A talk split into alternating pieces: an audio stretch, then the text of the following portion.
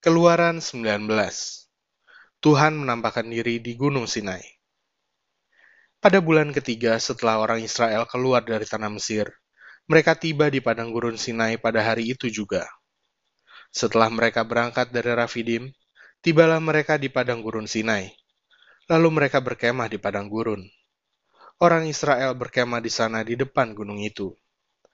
Lalu naiklah Musa menghadap Allah dan Tuhan berseru dari gunung itu kepadanya, Beginilah kau katakan kepada keturunan Yakub, dan kau beritakan kepada orang Israel.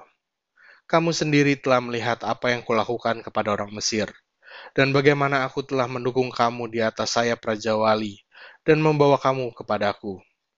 Jadi sekarang, jika kamu sungguh-sungguh mendengarkan firmanku, dan berpegang pada perjanjianku, maka kamu akan menjadi harta kesayanganku sendiri dari antara segala bangsa, sebab akulah yang mempunyai seluruh bumi. Kamu akan menjadi bagiku kerajaan imam dan bangsa yang kudus.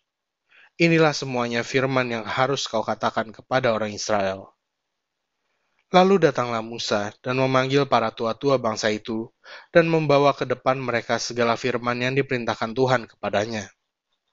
Seluruh bangsa itu menjawab bersama-sama, "Segala yang difirmankan Tuhan akan kami lakukan." Lalu Musa pun menyampaikan jawab bangsa itu kepada Tuhan. Berfirmanlah Tuhan kepada Musa, Sesungguhnya aku akan datang kepadamu dalam awan yang tebal, dengan maksud supaya dapat didengar oleh bangsa itu apabila aku berbicara dengan engkau, dan juga supaya mereka senantiasa percaya kepadamu Lalu Musa memberitahukan perkataan bangsa itu kepada Tuhan. Berfirmanlah Tuhan kepada Musa, Pergilah kepada bangsa itu, suruhlah mereka menguduskan diri pada hari ini dan besok, dan mereka harus mencuci pakaiannya. Menjelang hari ketiga, mereka harus bersiap, sebab pada hari ketiga, Tuhan akan turun di depan mata seluruh bangsa itu di Gunung Sinai. Sebab itu haruslah engkau memasang batas bagi bangsa itu berkeliling, sambil berkata, Jagalah baik-baik, jangan kamu mendaki gunung itu atau kena pada kakinya, sebab siapa pun yang kena kepada gunung itu, pastilah ia dihukum mati. Tangan seorang pun tidak boleh merabanya, sebab pastilah ia dilempari dengan batu atau dipanahi sampai mati. Baik binatang, baik manusia ia tidak akan dibiarkan hidup. Hanya apabila sangkakala berbunyi panjang, barulah mereka boleh mendaki gunung itu. Lalu turunlah Musa dari gunung mendapatkan bangsa itu. Disuruhnya lah bangsa itu menguduskan diri, dan mereka pun mencuci pakaiannya. Maka kata Musa kepada bangsa itu, Bersiaplah menjelang hari yang ketiga, dan janganlah kamu bersetubuh dengan perempuan. Dan terjadilah pada hari ketiga, pada waktu terbit fajar, ada guruh dan kilat, dan awan padat di atas gunung, dan bunyi sangkakala yang sangat keras, sehingga gemetarlah seluruh bangsa yang ada di perkemahan. Lalu Musa membawa bangsa itu keluar dari perkemahan untuk menjumpai Allah, dan berdirilah mereka pada kaki gunung. Gunung Sinai ditutupi seluruhnya dengan asap, karena Tuhan turun ke atasnya dalam api. Asapnya membubung seperti asap dari dapur, dan seluruh gunung itu gemetar sangat. Bunyi sangkakala kian lama kian keras.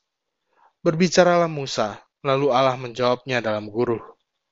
Lalu turunlah Tuhan ke atas gunung Sinai, ke atas puncak gunung itu. Maka Tuhan memanggil Musa ke puncak gunung itu, dan naiklah Musa ke atas.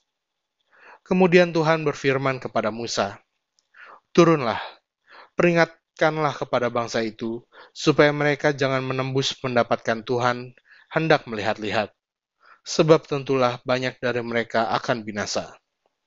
Juga para imam yang datang mendekat kepada Tuhan haruslah menguduskan dirinya, supaya Tuhan jangan melanda mereka. Lalu berkatalah Musa kepada Tuhan, Tidak akan mungkin bangsa itu mendaki gunung Sinai ini, sebab engkau sendiri telah memperingatkan kepada kami demikian pasanglah batas sekeliling gunung itu, dan nyatakanlah itu kudus. Lalu Tuhan berfirman kepadanya, Pergilah, turunlah, kemudian naiklah pula, engkau beserta Harun.